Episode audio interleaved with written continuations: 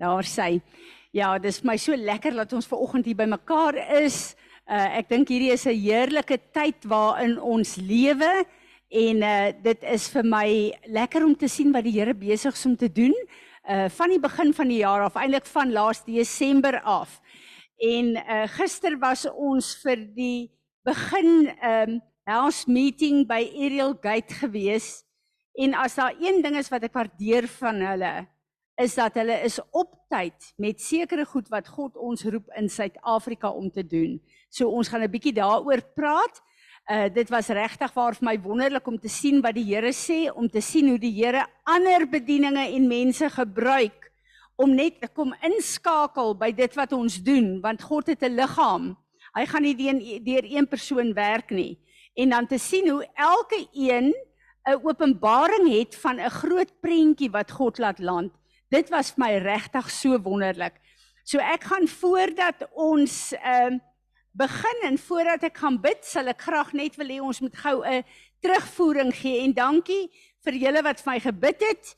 Uh die tyd wat ek bedien het was regtig uh onder die salwing van die Here, ehm um, sodat ek vergeet het om te kyk na die notes en agterna moes ek sien of ek alles gesê het wat ek gedink het ek moet sê, maar ehm uh, Ek dink dit was regtig goed geweest. Natasha, wil jy en Johanie net gou in 'n nee doppie kom vertel wat was daar wat die Here vir julle persoonlik uh laat uitstaan het?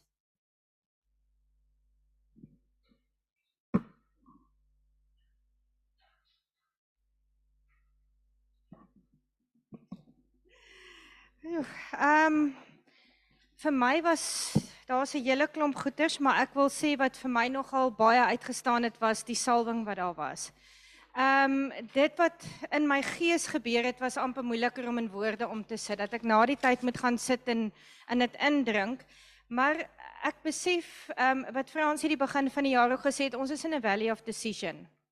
En daai wat wat vir my definitief uitstaan is are you in proper alignment for your destiny? Uh, get back to what you are called to do and are your steps ordered by the Lord. En ek voel dis daai plek waar ons is om regtig terug te kom op die plekke waar ons is. En dan net wat ek hier wil aansit en ek dink Johan gaan verder praat oor die worship, maar ons was nou nogal gebless met Jou niemand wat daar was. En wat 'n song release het en dit wat hy gesê het daar. En iets wat vir my uitgestaan het daai is um to ask God what he like. En ek dink dit is vir ons persoonlike verhouding met die Here ook. Om te dink, ons het baie programmetjies en ek het die begin van die jaar gaan sit en vir die Here gesê, hoe lyk my verhouding met hom die jaar? Wat watter deel van hom wil ek leer? En dan gaan jy op dit en jy wil vas en jy wil dit doen en alles alles uit jou kop uit. En met al daai goed het, het ek het besef gaan vra vir die Here hoe moet my goed lyk vir hom? En hoe moet my aanbidding lyk? En it's amazing hoe hy dit in plek begin sit toe ek daai vir hom oopgemaak het. En wat jou niemand toe nou net daar gesê het is worship to uh, get back to the worship in Eden walking with God in the garden in the cool of the evening. En ek dink dit is daar in Johan dink ek sal aangaan by daai. Maar ja, get back to what God called you to do. En kry klaar met die dooie werke en ek moet sê Fransie was awesome geweest. So. ja, nee, daai dooie werke was absoluut 'n openbaring geweest. Um wat vir my regtig spesiaal was, um was Ehm um, wat Natasha nou gesê het of ons ehm um, our steps is it ordered or uh, it is ordered by God maar is ons in alignment met daai steps. Ehm um, en toe sê hy of toe hy gesê het ehm um, all the steps needs to be in time. And timing is baie belangrik en ehm um, wat musiek aanbetref, die ouens wat musiek ken, weet musiek gaan alles oor tyd, timing. En dit het nou vir my aangesluit by Joe niemand se ehm um, so so so stuk wat hy vir ons gedeel het, um, spesifiek oor die musiek en um, wat hy gedeel het wat vir my spesiaal was, um, toe hulle die tempel gebou het. Um, was daar twee afdelings in die tempel wat wat spesifiek vir die worship uitgesit was en dit was die noorde kant en die suide kant van van 'n spesifieke deel van die tempel. En die noorde kant was um, vir corporate worship. En um, toe toe Joe dit raak lees um, toe toe hy op 'n plek gekom van maar ehm um, dis nie waar hy wil wees nie want dit hy wil uh, dit hy wil vir God die spesifieke liedjie geskryf het wat hy toe nou op daai stadium mee besig was Ehm um, dit het nie so oor die corporate worship gegaan nie want omdat die Heilige Gees vir hom gewys het op daai stadium. Dis nie oor die corporate worship nie, daar's 'n ander worship. En toe wys die Heilige Gees vir hom maar daar's 'n suidekant ehm um, by die tempel wat wat wat hulle moes bou en die suidekant was spesifiek net vir worship unto God. Ek wou one-on-one -on -one worship die woord gebruik het. One-on-one -on -one worship. Ehm um, en Heilige Gees het vir my so gewys die worship begin nie hier op hierdie verhoog of ehm um, wat se verhoog, wat se band ook al speel nie. En daar's groot bands baie ligte en groot klank. Dis nie waar dit begin nie. Dit begin by jou huis. En waar begin dit by jou huis? Hierdie tabernakel wat hier binne in ons is. Daar want ek sien daar staan die tabernakel van um raising the tabernacle of David. Um so dit was vir my baie spesiaal geweest dat dat worship begin hier binne. Eerstens tussen my en God en as as daai plekkie reg is, dan kan ek nie kom worship corporately nie. Um en wat die musiek in tyd aanbetref, um en Johan, jy sal dit ook nogal nogal kan kan kan um waardeer van daai tyd moet absoluut in tyd wees. Want as die musiek nie in tyd is nie, is dit chaos. En en ons weet dat God is 'n God van tyd. Hy het tyd en plek gesit en tyd is baie belangrik en ons moet dit respekteer. Um en wat wat sy toe nou gesê het, our timing needs to be in place. Our footsteps van die hele konferensie was oor going to war. En as jy dink aan daai um voetsoldate wat wat op pad is na die slagveld toe, dit is presies in tyd. Almal loop nie net waar hulle wil en hoe hulle wil, hulle moet in tyd gaan stap. Um en die woord wat wat Heilige Gees vir my gegee het Romeine 15 vers 5 Now may the God who gives endurance and to supplies encouragement grant that you be of the same mind with one another according to Christ Jesus, so that with one accord, and that one accord is being in time. So when we're marching to the battlefield, um, glorify and praise and honor the God and Father of our Lord Jesus Christ. So praise and worship is nie net klim op 'n verhoog en daar sing ons of staan hierso en ons sing saam nie. Dit begin by jou huis en jou eie tabernakel. Dit moet in plek wees. Dit moet in tyd wees met God se tyd en daai footsteps wat hy hy vir ons bepaal het um nog lank voor ons gebore is. So dit was regtig baie spesiaal geweest dan. Ek wil aansluit voordat ons begin met ons oggend by uh uh Joe niemand dink ek het 'n groot impartation vir ons gegee en wat uh, uh Johan nou sê van uh Jesus het gesterf om ons terug te vat na die oorspronklike toe. In die tuin van Eden. Hoe die worship in die tuin van Eden gelyk. They walked with God. En daai hele plek van Esegiel, die tempel. Ons het verlede jaar geëindig met dit. Onthou julle? Waar die Here gesê het, ek roep julle na 'n plek toe waar as julle kom en kom stap en julle plek inneem, gaan ek julle laat beweeg na 'n plek toe waar julle nie meer julle voete en julle beweging en julle keuse gaan maak nie. Dit gaan 'n flow wees. Julle gaan saam met die flow vloei. En uh in daai tempel is daar 'n plek want uh, die Here sê vir Jou niemand hy moet uh of Joe sê hy ervaar die Heilige Gees sê vir hom hy moet minister unto the Lord. En daar's 'n skrif in uh, in Esegiel wat sê daar was 'n spesiale plek where the priesthood ministered unto God alone nie vir die audience nie. En die Here laat hom hy skryf 'n liedjie waar hy vir die Here sê Here wat hou u van? Nie wat hou ek van nie my songs my hart my emosies nie. Wat hou u van En ek hoop ons gaan daai song net nou kan speel dat ons dit kan doen. Sal ons nie kan nie. Goed. Uh gister is daai song release van daai platform af. Maar dit gaan dis 'n fenominale sal, salwing wat daar ingekom het en alles gaan oor the breath. Alles wat ons doen kom van God af. So hy het 'n liedjie daaroor gedoen en dit was amazing. Nou wil ek teruggaan om vir julle te sê wat my baie baie uh beïndruk het en vasgegryp het waar ons in Suid-Afrika is is 'n uh, 'n hele paar jaar terug het die Here vir Joe Niman 'n 'n musical play laat doen van Esther. En uh die vrou wat die rol van Esther gespeel het, sê die Here toe dis jou vrou en hy trou met haar as Lindy. Hy trou met haar. Toe sê die Here vir hom ek wil hê jy moet profeties 'n musical play maak oor die boek van Daniël oor judgment en hy doen dit. En die Here sê maar ek wil hê Julle moet dit as Suid-Afrika as 'n gift vir Israel vat. Ek wil hê julle moet 'n gift vir Israel. Jy moet dit in die staatsteater in in Jerusalem gaan doen. Hy kontak die mense. Hulle sê nee, maar daar's nie 'n manier nie. Hierdie teater is jare vol bespreek en daar's nie 'n manier dat jy kan inkom daar nie. En die Here sê vir hom bou die stage en vat dit oor en gaan. En hy besef maar hy moet die Here gehoorsaam. Kort storie, 'n lang storie kort te maak. Toe hy daar kom, toe kontak hierdie vrou hom en sê maar daar is 'n opening. En hulle doen daai hele play in Jerusalem.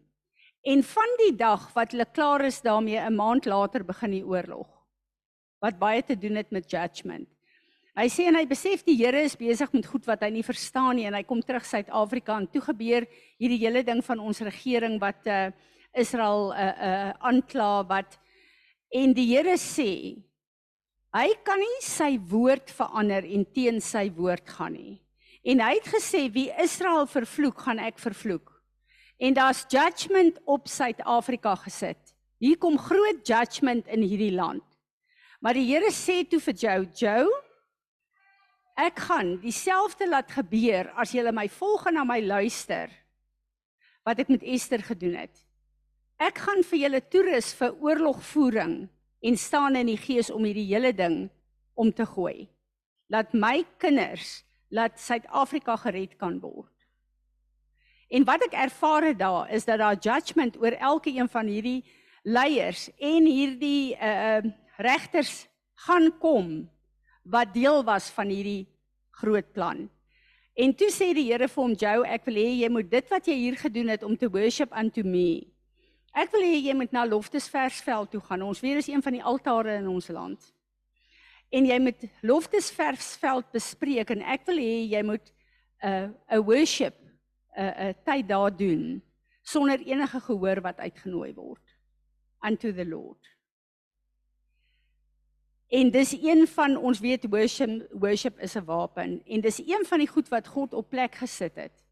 Gister toe ons tee drink, ehm uh, uh, terwyl ons praat, toe sê die Here vir my, jy het 'n kontak vir Loftus Versveld. Deel dit met hom. Nou Johnny en Aret Piet weet en uh, Natasha was saam met my by ons bedien het. Dis 'n groep in Pretoria wat van daar af regtig net toegelaat het dat uh, ons hulle mentor. Johnny Burger is die man wat al hierdie events reël op Loftus Versveld. Ek dink julle het hom al baie op kyk net gesien. En uh, weekliks met die potbeans is ek in aanraking met hom en reageer hy op die goed wat ons uitstuur. Ek sê toe vir Johnny man, het jy uh, gereël met Loftus? Hy sê nee, al die e-mails wat hy stuur kom terug. Hy kry nie 'n kontak met Loftus nie, maar hy weet wat die Here gesê het. Ek sê vir hom van Johnny, Ek bel ver oggend vir Johnny en ek sê vir hom Johnny, hier is nou hierdie en ek vertel hom kortliks. Hy sê tannie Fransie, as die Here praat, is ek gehoorsaam. Geef my sy nommer, ons reël dit Oktober word die event op Loftus gedoen. Is die Here nie fenomenaal nie? So ek weet dat daar's baie goed in ons land wat verkeerd gaan, wat ons voel ons is oorgelewer. Nee. Ons het 'n God wat na ons kyk en wat gaan bepaal wat in hierdie land gaan gebeur. So vir my was dit regtig 'n wonderlike ehm um, dag. Uh ek dink nie Natasha het geweet wat ehm um, Joe niemand gaan vertel daar nie.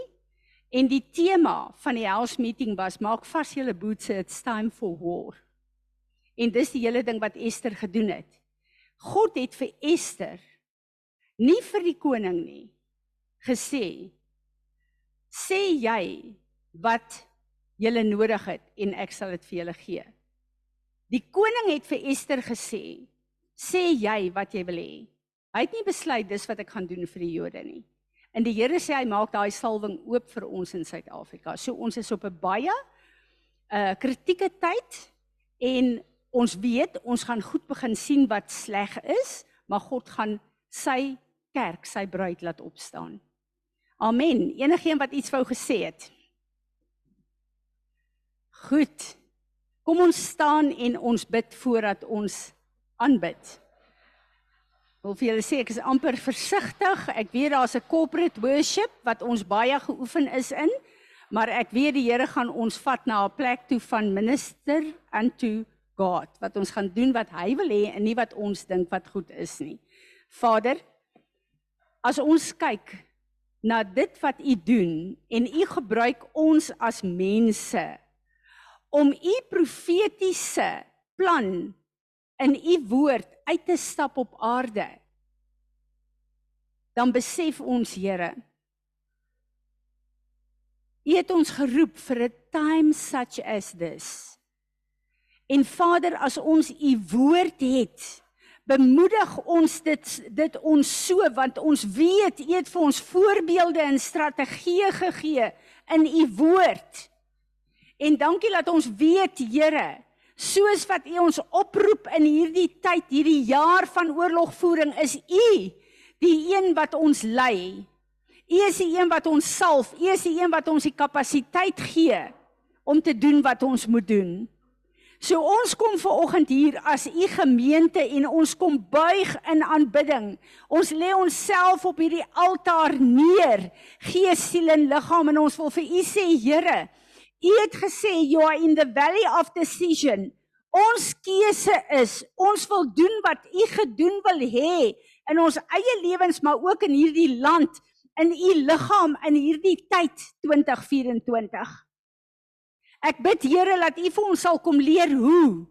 Ons kry hierdie woorde, ons kry hierdie visioene, maar u is die een wat vir ons moet leer hoe. U sê in Psalm 144, ek sal julle hande en julle vingers leer om oorlog te maak.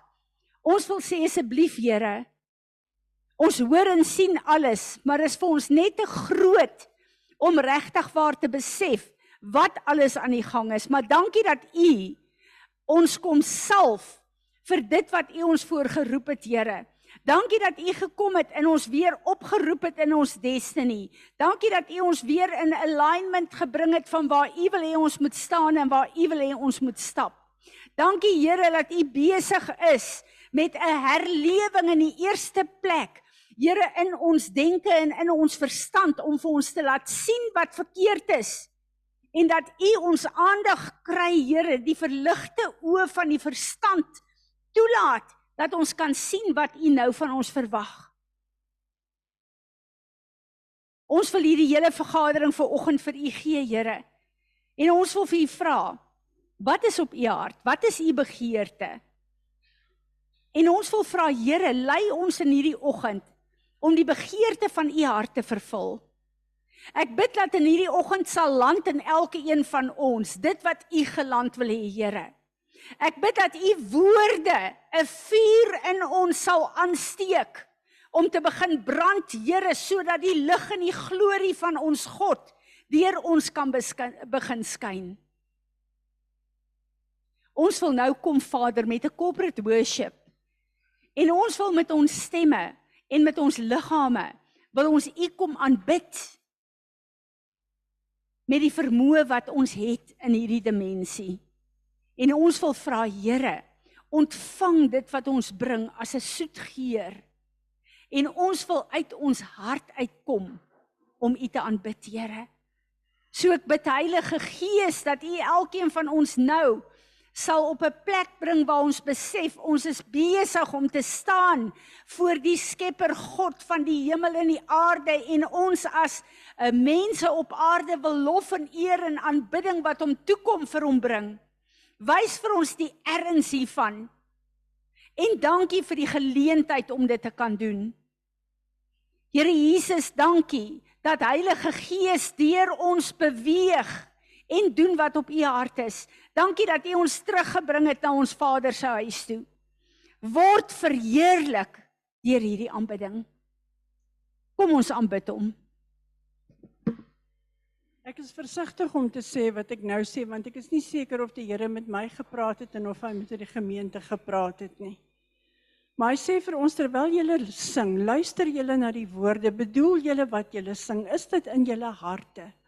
Is ek waaragtig die enigste lewende heilige God in julle lewe? Of staan julle met julle een voet aan die een kant en aan die ander kant op my woord? En ek moet net kom vergifnis vra. Here, ek wil kom sê ek is so jammer vir elke keer wat ek na U toe gekom het in lofsang en aanbidding en my gees nie saam met my stem getuig het nie. Ek wil kom bid Here dat U vir ons in hierdie gemeente sal leer om U so lief te hê dat wanneer ons lofsange vir U sing, dit vir U 'n aangename geur sal wees en dat dit ons sal oplig in die gees, Here, dat dit ons verhouding met U sal verinnig. Dat ons U hier sal ervaar as 'n lewende God, as die Heilige Gees. En dat ons lewens sal verander, Here, dat ons lewens sal omdraai met een doel voor oë en dit is om U te verhoog en te verheerlik.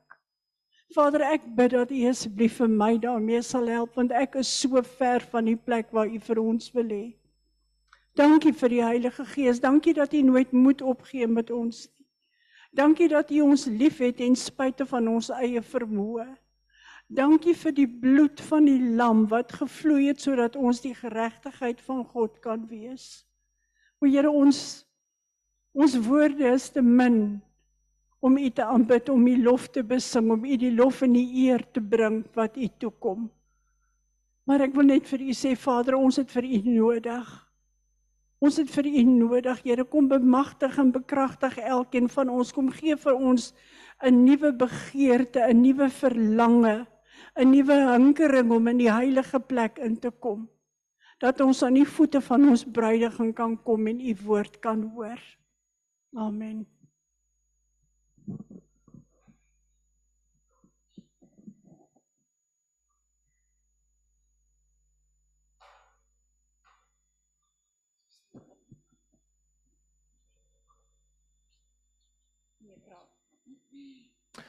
Ehm um, dit sluit net aan by wat ek vanoggend nou gesê het van van die uh, worship wat ehm um, ons gister daar ervaar het.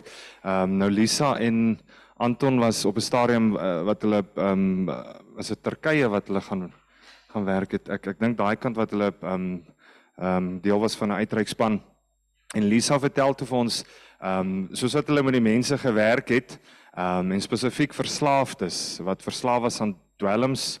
Ehm um, as as hulle met daai mense gewerk het en die Heilige Gees het oor daai mense gekom dan daai mense ewe skielik wat hulle net terugtrek en sê hulle wil nie. Want hulle kry dieselfde gevoel van toe hulle in hulle verslaafdes ehm um, ehm um, state was. Daai daai dronkenskap daai waar jy nie by jou volle self is nie.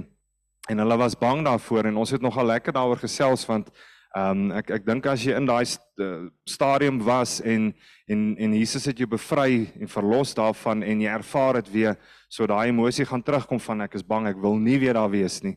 Ehm um, en dit is wat die duiwel kom doen het om ehm um, ek ek soek die woord preserve ehm um, nee nie preserveer nie um, perverse daar's die woord perverse pervers want dis wat die duiwel doen. Hy hy die duiwel kom glad nie skep nie maar hy het alles wat God skep ehm um, maak hy 'n parallel van laat laat jy verward kan wees. En dis wat verslawing is. Want dis wat die gees is. As jy in die gees is ehm um, ek ek wil nie sê dit voel soos om in verslawing te wees nie maar dis wat die duiwel kom doen het laat verslawing voel soos om in die gees te wees. En ehm um, toe toe die Heilige Gees vir my die woord um, ons het daaroor gepraat gister van Efesiërs 5:18 do not get drunk with wine, for that is um, uh, de- debauchery, but ever be filled and stimulated with the Holy Spirit. Nou as jy na na daai woord stimulated gaan kyk van die King James it be filled, be filled. En as jy gaan kyk na filled in die Strongs um die die woord wat daar uitkom um satisfy is een van hulle sou be satisfied En sy um sinonieme woord is to crave and be intoxicated with the Holy Spirit. Um so dit maak absoluut sin van be intoxicated with the Holy Spirit en jy gaan voel op 'n stadium dit voel soos om dronk te wees. Ons um en toe ons nou in die worship was het dit oor my gekom en Heilige Gees het dit net vir my herinner um laat ons moet dronk wees in die Gees en dit kom terug na daai worship one on one hier binne in jou tabernakel en dis waar jy daai daai gevoel gaan kan ervaar. Almal van ons is kinders van die Here, daai tye met die Here wat jy voel, "Sjoe, dis so lekker." As jy daar uitstap, dan stap jy uit op 'n high, spiritual high. Dis presies hierdie ding wat die vyand gebruik in verslawing na die verkeerde kant toe. Ja, dankie Johan, dit was wonderlik geweest. Ehm um, Iets wat vir my regtig baie lekker was ook gister, daar het visioene uitgekom wat presies hierdie doping, the baptism of the light wat ek die afgelope tyd ge uh, bedien het mee. Visioene het uitgekom van die seisoen van baptism of light wat God nou oopmaak op aarde en dit was vir my groot bevestiging.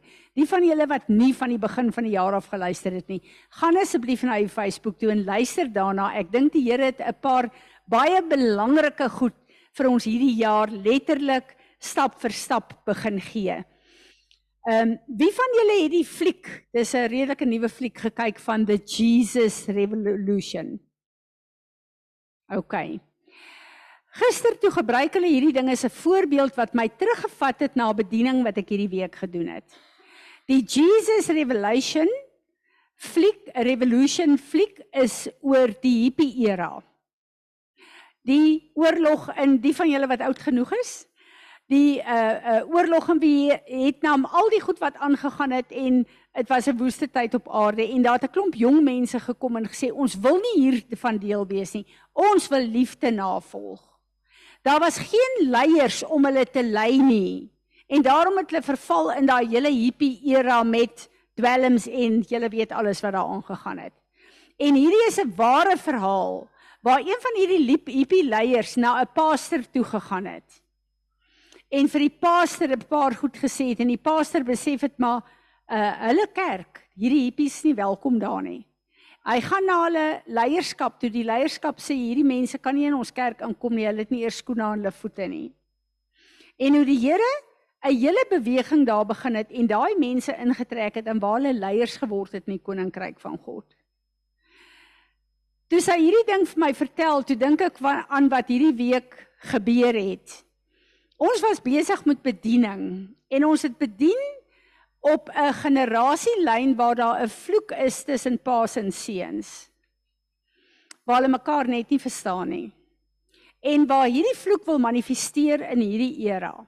En ons het daarmee gedeel.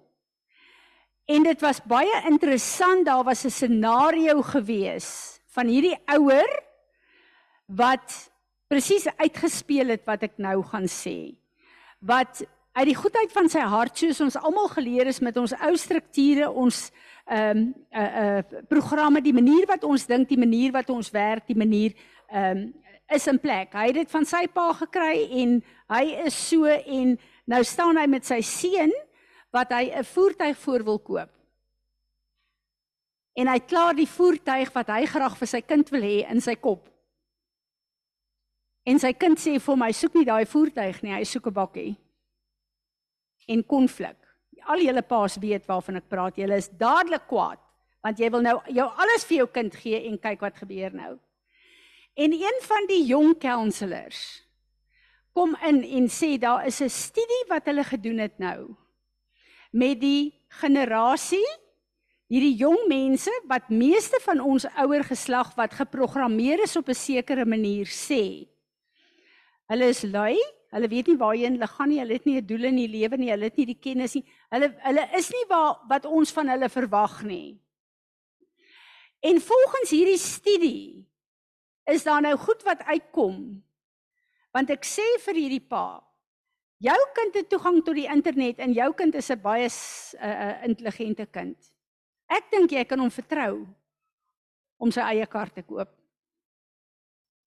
En dis heeltemal teen die reëls wat ons geleer het vir al ons Suid-Afrikaners. Hierdie kinders kom en hulle sê, hulle het ons as 'n generasie dopgehou en gesien hoe gefokus ons was, hoe gedissiplineerd ons was, hoe hard ons gewerk het om sukses te behaal. Paas, luister, maas, luister. En hulle sê in die proses wat ons dit gedoen het, so ons was baie reg in dit alles was ons afwesige ouers. Hulle het gesien wat vir ons belangrik was en ons het nie tyd gehad vir hulle wat vir hulle belangrik is nie. En hulle wil nie wees iemand wat gestres is, wat nie tyd het nie, wat in 'n ratreis is, wat nie al die goed wat ons doen waarmee ons geprogrammeer is vir sukses. Hulle sê hulle wil dit nie hê nie. En die studie sê dat daar is nou bewyse waarvan hierdie jong mense begin sukses behaal op 'n baie hoër vlak as wat die ouers kon met die manier en die pad wat hulle loop. En ek besef ons is weer op 'n plek met 'n generasie waar die hippies was. 'n Paar generasies terug. En as daar nie leiers gaan kom wat kan opstaan om vir hierdie mense in die woord die regte raad, die regte rigting, die regte prinsipels te gee nie. Is daar 'n groot gemors wat gaan gebeur? En hierdie is vir my 'n baie ernstige plek en ek vertel dit want dit sluit aan by wat die Here hierdie week met my gedoen het. Julle weet ons het is Pieterle op die Duitse groep. Ehm um, julle weet ons het hierdie groep in Duitsland wat graag saam met ons stap en gevra het ons moet hulle mentor. Hulle julle bid vir hulle op die groepe. Hulle het leiers in verskillende lande in Europa wat uh hulle moet lei. En die Here sê hulle moet 'n disipelskap skool begin. Om hierdie jong kinders van die Here wat inkom om vir hulle leierskap te gee en fondasies te gee. En die oomblik toe Pieter dit vir my vra, toe begin die Heilige Gees met 'n download in my. En hy sê, Fransie, die groot deel van die liggaam van Christus is 'n casual uncommitted kerk. Omdat die fondasies wat gelê is in hulle verkeerd is. En hy vat my terug en hy sê, "Wat het ons geleer as iemand nou Jesus aanneem?" Heel eerste the image of Christ. Ek is meer as 'n oorwinnaar, ek is liefde, ek is God se krag, ek is ek is ek is. Maar jy sien niks daarvan in die mense se lewens nie. So hulle is goed voorgehou wat hulle 'n uh, persent kan kry. Hulle het geen kommitment nodig nie. Dit is hierdie koekiekatter wat op almal afgedruk is. En daar's geen vrug van wat hulle geleer het in hulle eie lewens of in die liggaam nie. En Pieter vra vir my, wat is die topics wat ons gaan doen? En heel eerste is wedergeboorte. Nie jy neem nou vir Jesus aan en nou is jy op 'n plek geplaas van al die wonderwerke en al die blessings en al die goed wat jy gaan kry en dis wat ons geleer is. As jy die kruis van Golgotha aanneem, dan sê die woord van God Jesus looked at his disciples and tells them, Whoever wants to be my disciple must deny themselves, take up their cross and follow me. For whoever wants to save their life will lose it, but whoever loses their life for me will find it. Het ons vir hulle geleer en is ons geleer Nou het jy 'n kruis op aarde. Jou redding is gratis verniet. Maar nou het jy 'n prys om te betaal. Hoe lyk die kruis van Jesus in my en jou se elke dag se lewe? Hoe lyk die kruis van Christus in my verhoudings? Hoe lyk dit in my huwelik? Hoe lyk dit in my werk? Hoe lyk die kruis van Jesus in my opvoeding? Dit beteken verloon jouself. Al daai geite wat jy het, jou voorkeure, jou opinies, jou persepsies. Mense gaan maak soos ek sê. Niks daarvan is in hierdie skrif wat Jesus vir ons gee nie. Ons het dit nie geleer vir die kinders van die Here nie. Dan kom hy en hy sê Lukas 14 vers 28 tot 30 For which of you wish to build a farm building does not first sit down and calculate the cost to see, see whether he has sufficient means to finish it. Otherwise, when he has laid the foundation and is unable to complete the building, all who see it will begin to mock and jeer at him, saying, This man has begun to build and was not able to finish. Leer ons hulle daar's 'n koste wat jy moet bereken.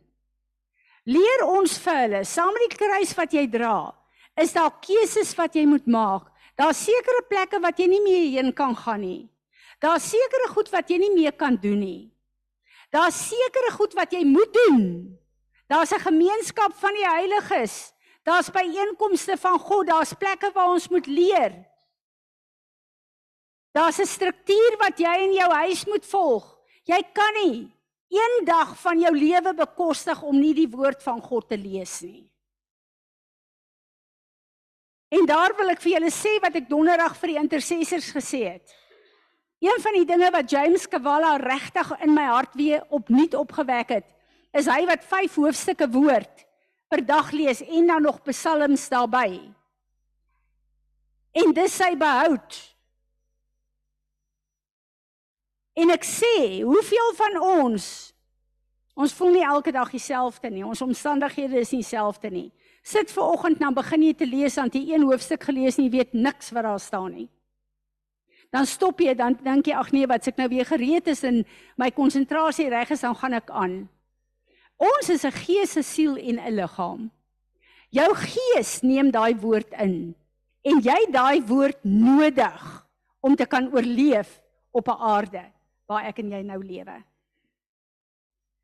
Ek het 'n potbeen hierdie week gedoen oor die saad, die gemengde saad. Verlede week het ons daarvan gepraat. Ons het dit repent. Ons het vir die Here gevra om dit te verwyder.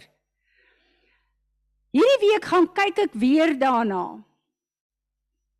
En die Heilige Gees sê vir my Fransie, dis nie die boom en die vrug wat die probleem is nie. Dis geen probleem nie. Dis Adam se keuse wat die sondeval veroorsaak het. Ons is 'n wêreld waar daar baie goed is. Jy kan omtrent enigiets doen as jy wil hier op aarde. Maar die keuses wat ek en jy maak gaan bepaal wat ons gaan beïnvloed en wat nie. Maar as jy 'n vrug geëet het, ons God is 'n onverganklike saad. Die oomblik toe ons hom aangeneem het, het daai saad in ons ingekom. Met die sondeval het hulle toegelaat dat die valse vader se saad in hulle inkom. En daarom sit ons met hierdie hele gedeelte van Galasiërs 4 wat ek 2 weke terug gedoen het. Waar die Here vir my gesê het wat in Israel fisies aangaan. Die fisiese oorlog is twee verbonde, twee sade wat te mekaar beklei. Dis op hierdie stadium wat aangaan in my liggaam. Die geestelike Israel, dis ek en jy. Daai stryd om regtig die kruis op te neem, te dra, God te gehoorsaam of my vlees te gehoorsaam. Dis 'n manifestasie van wat aangaan in die kerk van Jesus Christus. En as ons kyk na daai saad en jy dink ek het nie gemengde saad in my lewe nie, word wakker. Ek het wakker geword. Galasiërs 5 vers 19 en 20 sê Vers 20 gee die sa die vrug van die Heilige Gees, want ek en jy is 'n boom wat geplant is langs die rivier van lewe. Psalm 1. 'n Boom dra vrugte, 'n boom het 'n saad. Jesus is op Golgotha aan 'n boom gehang.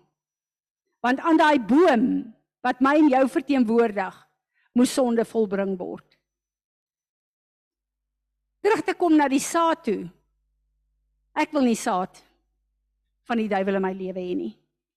Maar die woord van God sê Galasiërs 4 vers 19. Ek wil dit nie eers lees nie. Maar hoe lyk woede? Hoe lyk leuns? Hoe lyk hierdie goedjies wat ek en jy elke dag mee sukkel? As dit in ons lewe is, het ek en jy 'n probleem, dis die saad van die verkeerde vader. En die Here sê in hierdie dae vir ons, wees heilig want ek is heilig. Ons het 'n vals fondasie gelê. Ons het 'n casual kerk op die been gebring. En die Here wil dit verander na sy fondasie toe.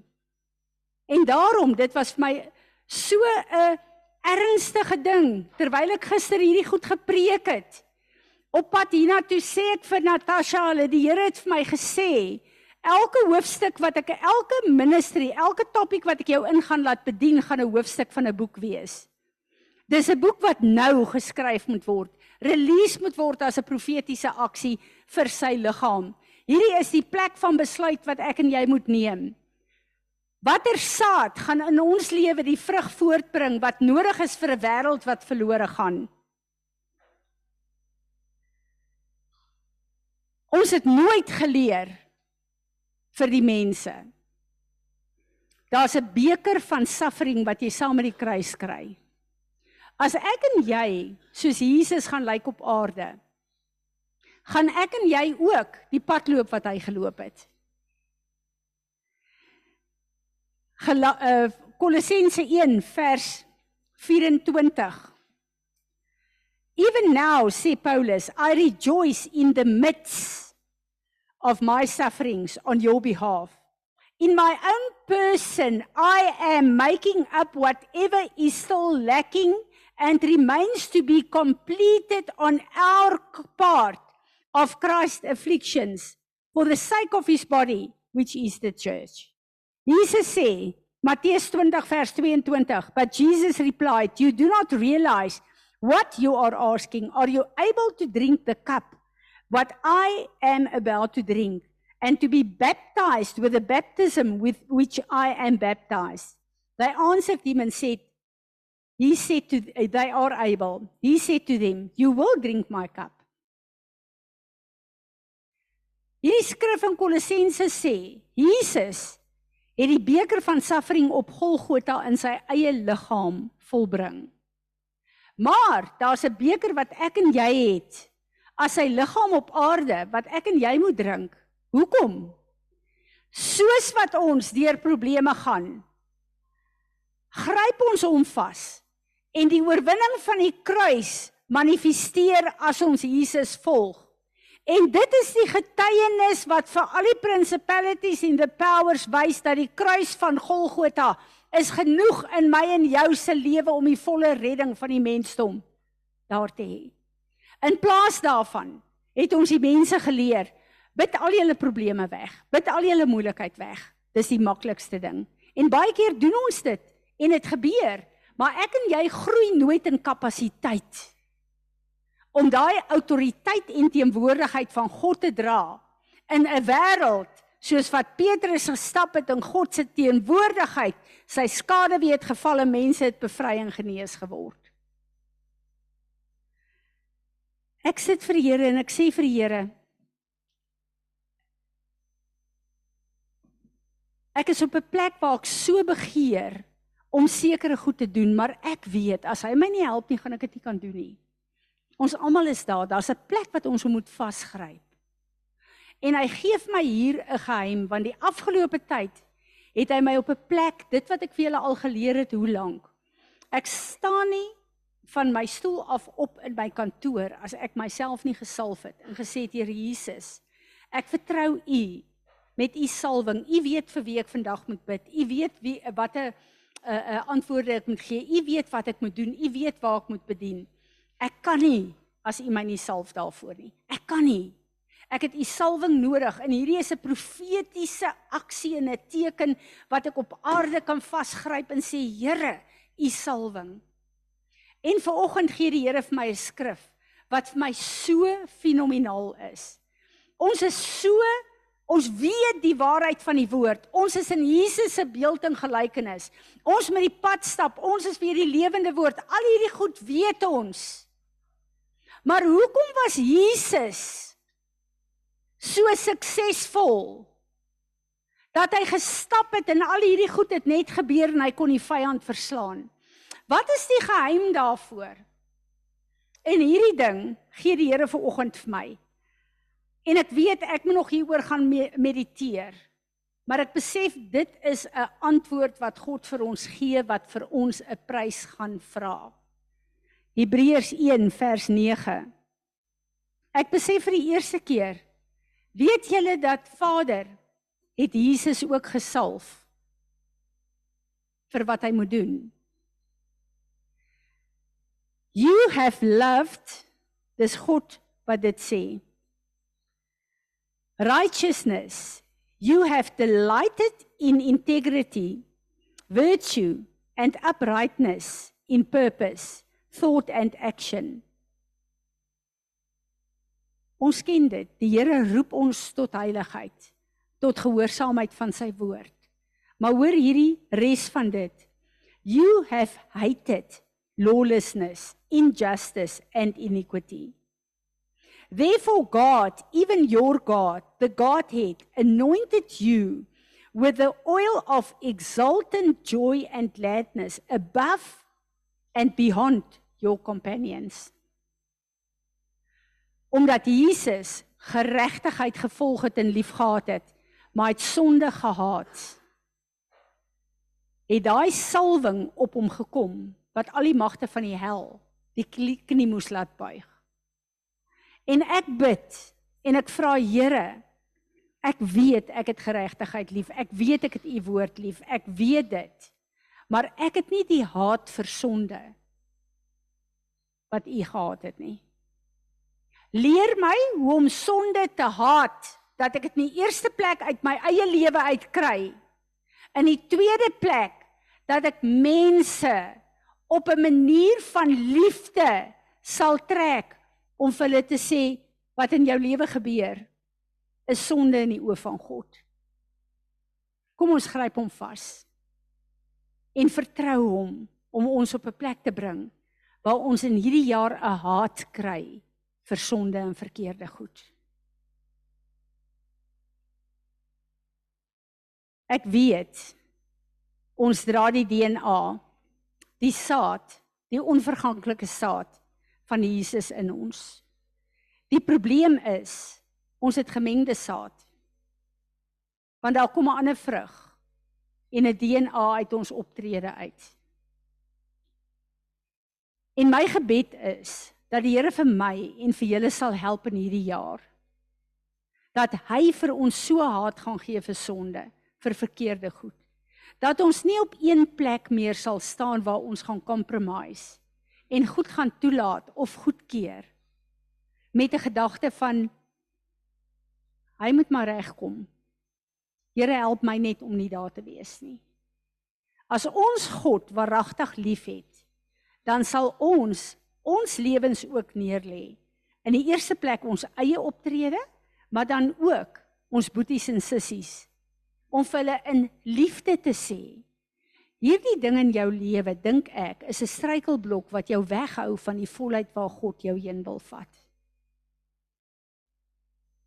Ek glo met my hele hart hierdie nuwe fondasies en ek weet nie of die Here gaan laat ek dit hier begin en elke uh, hoofstuk doen as 'n lering nie.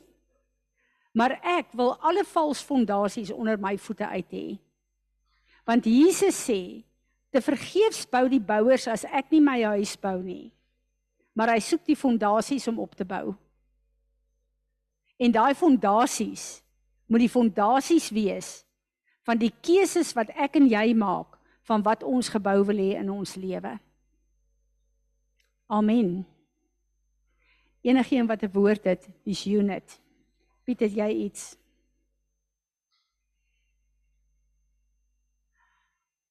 Amen. Bid asseblief vir my. Ek weet ek moet hierdie boek doen.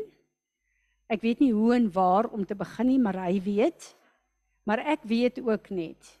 Ek glo as die Here 'n boek uit Peres uit gaan release vir die nuwe era en om mense te disipel op die regte manier, dan gaan hy in ons eie lewens ook die werk doen en die fondasies regmaak.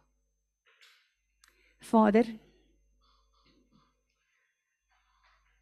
as ek hier staan dan besef ek ons wil so graag sê ons is die lig van die wêreld. Maar wie is ons power base? Wat skyn uit ons uit?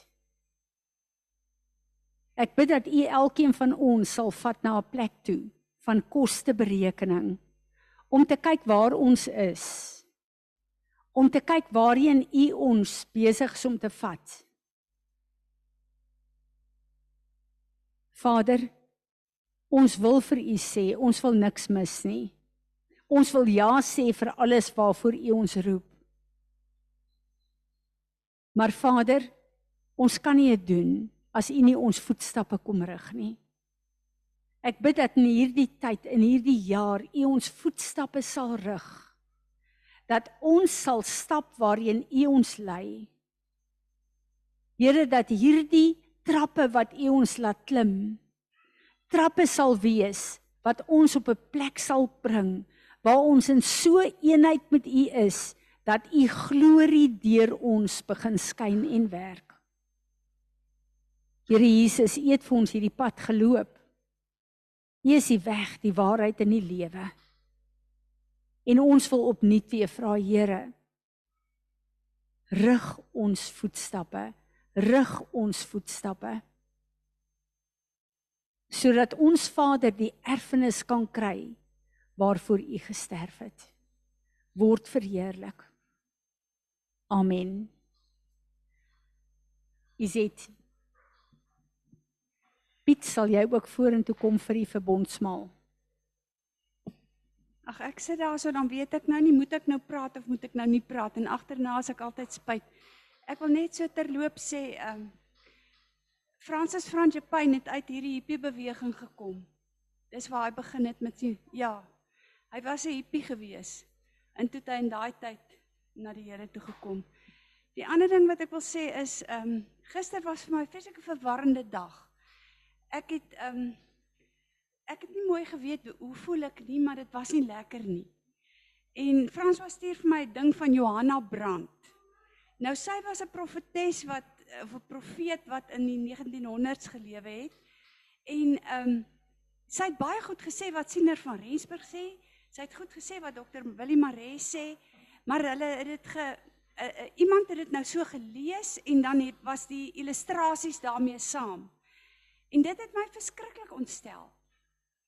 En vir oggend toe Fransie begin, nog voor ons begin worship het, het Fransie hierdie ding vir my onmiddellik in perspektief gestel en ek het besef die fokus van my fokus was bietjie af ek het op verkeerde goed gefokus want dit is wat werklik kan gebeur met ons. Daai goed kan werklik met ons gebeur as die Here nie daar is maar God. En onmiddellik het ek vrede gekry. Maar dit het lank gevat. Ek meen 'n hele dag het ek daaroor gewroeg in te kere gegaan. Maar dan kan ek ook nie anders as om vir julle te sê van die Torah nie. Um, ons is presies in die tyd van ehm um, hy sê dis 'n season of intimate relationship building uh, met hom. Dis 'n tyd van waar jy net op die Here moet fokus. Hy het hulle uit Egipte hulle hulle stap nou. Hulle het skoene aan wat nooit tot niet gegaan het nie in al die jare, maar hulle moes hom volg. Al hoe hulle hom kon volg was met daai wolk in die dag en in die nag. So en hulle moes net doen wat hy sê en toe kom hulle by Sinai en nou en hy openbaar homself aan hulle. Hy verrig wondere en ek glo ons is in daai tyd dat ons hom net onverbiddelik en sonder voorbehoud en enige iets en klaag liedere moet ons hom net volg. Soos die Israeliete hom gevolg het, dan sal hy hom werklik openbaar aan ons. En dis waarop ons moet fokus. Ekskuus. Ek uh, toe ons nou so sit en jy bid toe herinner die Heilige Gees my aan gister was daar 'n visioen van woorde wat gedans het. Um oor die mense. En ek besef elke keer as Fransie of iemand gee woord, is daar woorde oor ons. En dit is wat met Maria gebeur het toe die Gabriël vir haar kom sê het. Sy gaan bevrug word en met Jesus. Sy moes gesê het ja, be unto me. Ons kan net bevrug word met wat Fransie sê of wat die Here wil doen deur haar. Wanneer ons sê ja, ek wil dit hê en ek wil dit in my lewe hê. En dan glo ek dit gebeur met dieselfde met verkeerde saad dan ook. Ehm um, Rudolf wil net gou iets sê. Wat uh, Natasha sê is so belangrik. Die woord wat God vir ons gee, is nie 'n preek. Partykeer 'n goeie preek wat lekker ons lekker laat voel of partykeer 'n waarskuwing nie. Dis 'n woord soos met Maria wat jou wil oorskadu. Maar jy gaan kies of jy soos Maria gaan sê, laat dit wees volgens u wil en of jy daai woord gaan weerstaan. So ons hoor baie goed, maar vat ons daai woord vir onsself. Rudolf Môre almal. Ek Môre. wil net sê eers die laaste tyd is dit ook so dat ek laat daar goeie sondes in my lewe wat ek lank terug mee laas gesukkel het dan weer opkom en normaalweg dan staan 'n mens en 'n mens bid en sê Here, maar hierdie is nie wie ek is nie. Asseblief vat dit uit my lewe uit en dan is dit of dit weggaan. En maar die laaste tyd is dit asof dit net nog erger word dat 'n mens sukkel om dit weg te kry en vanoggend toe besef ek toe tannie sê Maar dis omdat ek die sonde net onder die mat invee. Ek tolereer dit. Ek haat dit nie op die regte manier nie en dis hoekom hierdie goed die hele tyd terugkom. Sjoe, ja, dankie Rudolf. Dankie Piet en welkom terug. Ek het al begin dink julle is professionele vakansiehouers. Julle kom net nie terug nie.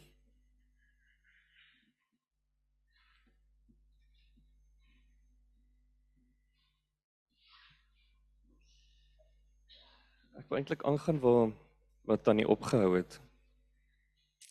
Uh 17 Skus julle ek net my skrif kry wat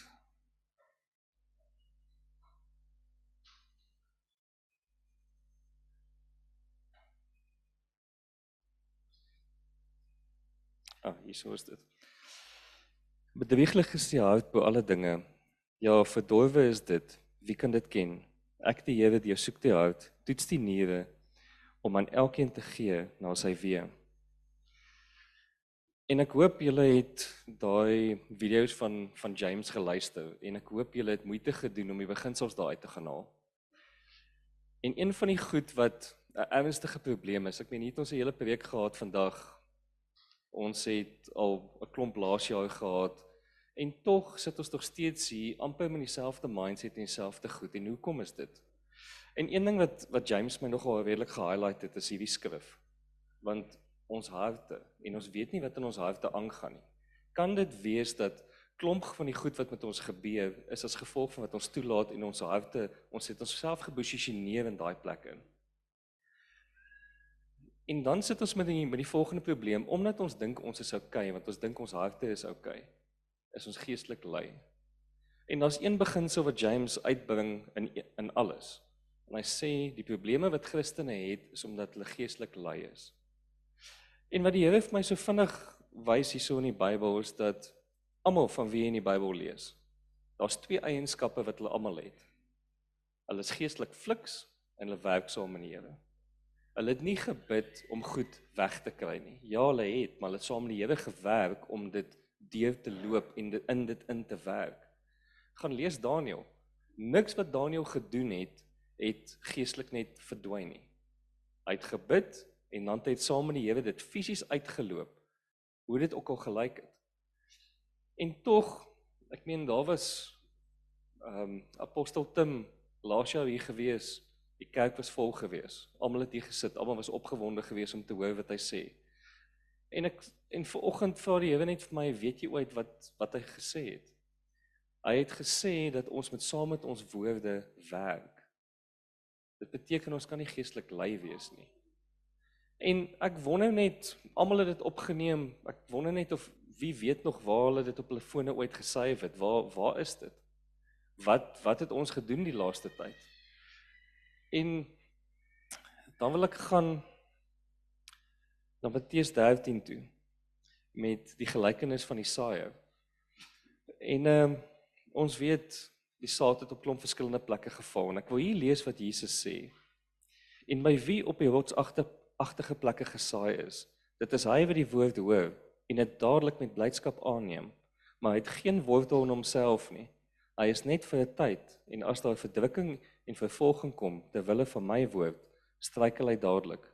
En by wie in die dowings gesaai is, dit is hy wat die woord hoor, maar die sorg van hierdie wêreld, die verleiding van die rykdom, verstrik die woord en hy word onvrugbaar. Omdat ons geestelik lui is en omdat ons dink ons harte is oukei, okay, is daar baie plekke in ons lewens waar hierdie twee skrifte van toepassing is. Maar ons worry nie daaroor nie want ons dink ons is oukei. Okay.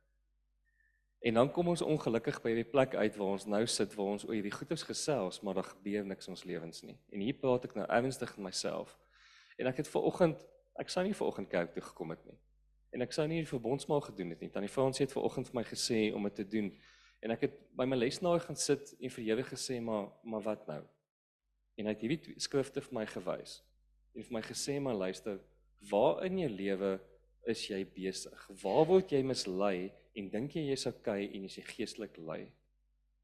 En gaan jy iets daaroor doen? Want die interessante ding van hierdie gelykenis is die saad is afhanklik van die grond, maar die grond is afhanklik van ons.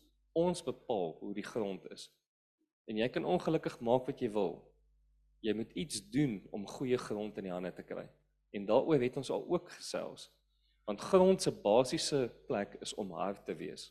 As jy dit nie wil hê nie, moet jy iets daaroor doen om goeie grond te hê. En ek dink terwyl ons in die begin van die jaar is, ons kan maar terugkyk oor laas jaar en die met tye wat ons gehad het. As ons maar net dieselfde goed gaan hê. Jy weet daar's 'n spreekwoord wat ons almal ken wat sê dat 'n mal mens is iemand wat dieselfde goed oor en oor doen en verskillende resultate verwag. As ons maar net dieselfde goed maar net weer gaan doen wat ons laas jaar gedoen het en die jaar daarvoor, en maar net gaan wees hoe ons was, gaan ons maar dieselfde jaar hê wat ons maar net laas jaar gehad het. Dit hang van ons af of ons hierin wil werk in die Here se woord en saam met hom iets wil doen of ons maar net gaan gaan. En uh, ek weet dis nou nie die beste opgewondste woord onder die son nie, maar mag die Here vandag vir ons in ons harte openbaar en mag ons gaan sit en vir die Here vra wat in ons harte aangaan. Want as ons nie gaan vra nie, gaan hy nie vir ons wys nie. En as hy ons dit vir ons gaan wys, is ons bereid om iets daaroor te doen. Kan ek vir ons bid, julle? Jy werk of jy vra dit U werklik vir ons ons harte openbaar dat U vir ons wys wat daar aangaan. Jy weet dat U vir ons die moed gee en die krag sal gee. Here om op te staan en nie meer doelloos te wees en maar net agter goeie goed wil aangaan wat ons dink goed is nie, Here, en wat maklik is nie. Jy weet dat U ons bietjie uit ons rusplekke uitvat, jy weet sodat ons geestelik in dissipline sal inkom, Here, saam met U. Jy weet dat ons saam met U die woorde sal begin uitloop. Jy weet dat ons onsself van die rusbank sal afkry, van die televisie sal wegkry, waar ons ook al is, waar ons ook al gaan wegkruip, Here, Here, maar dat ons in U kan begin wegkruip en in U kan begin werk. Weet ek vir vir U wil ons nou die verbondsmaal geneem dat U met ons elkeen sal werk. Dat ons elkeen bereid sal wees om met U te werk, Here, want dit is net ons wat dit kan stop. Dat ons nie die saad wat U in ons lewens gesit het sal stop nie, Here. Here, maar help ons om saam met U te werk om goeie grond te word. Dankie daarvoor, Here. Amen.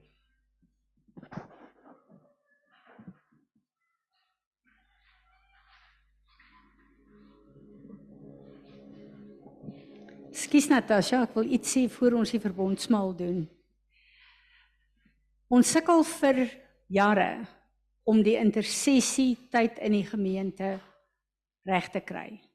Ons sê ons is 'n huis van gebed, maar daar is nie 'n platform. Ons almal bid waar ons bid en by mekaar kom as 'n gemeente behalwe die donderdag groep nie wat nie net Peres vrouens is nie is uh, uh, uit ander kerke uit ook. En ons het baie gepraat, sal ons nog 'n aand inkry dat ons 'n worship en 'n gebed aand in insit. En ek besef dat ek het baie begrip en simpatie en empatie met besige programme. Ons is almal baie baie besig. En ons het 'n bietjie hieroor gepraat, maar wat terwyl Piet praat, toe voel ek net vir my hierdie is iets wat die Here na my toe bring. Op 'n Sondagoggend tussen 8 en 9 gaan ons intersessie in die kerk. Almal is op pad kerk toe, ons kan dit maar net 'n bietjie 'n uur vroeër doen. Hoe voel julle daaroor? Sal dit werk? Ek weet ons sal nie altyd almal daar kan wees nie, maar ek vertrou die Here dat ons as gemeente verantwoordelikheid neem en sê Here, hier is die plek. Wat wil U hê moet ons bid om in hierdie gemeente oop te maak? En al om die beurt sal Piet en Natasha en Rudolf dit koördineer. Maar laat ons volgende Sondag begin, 8uur. Die wat kan, laat ons eers 'n tyd van gebed hê voor ons begin.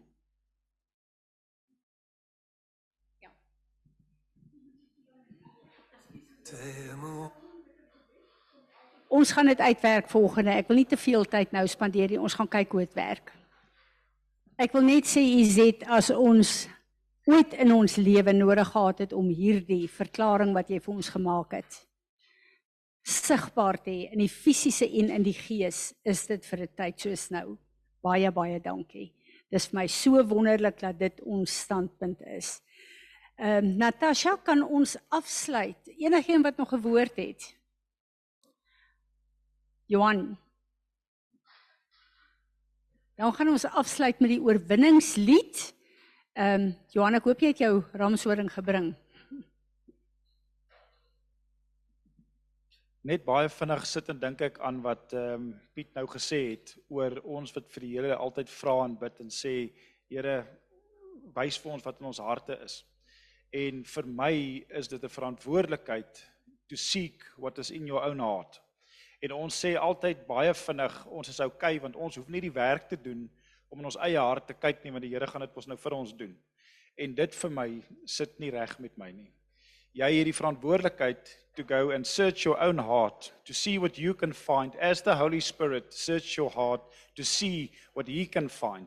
And from there on you lay it before God and say, "All right, wat gaan ons nou daarmee doen en hoe gaan u ons posisioneer en hoe gaan u ons beweeg ten opsigte van dit?" So ek wil vir julle sê dit is nie die Here se verantwoordelikheid om vir jou te wys wat in jou hart is nie. Dit is jou verantwoordelikheid om te gaan soek wat gaan in my hart aan, maar ons wil net ons wil net dink ons is goed, ons wil net dink ons is oulik.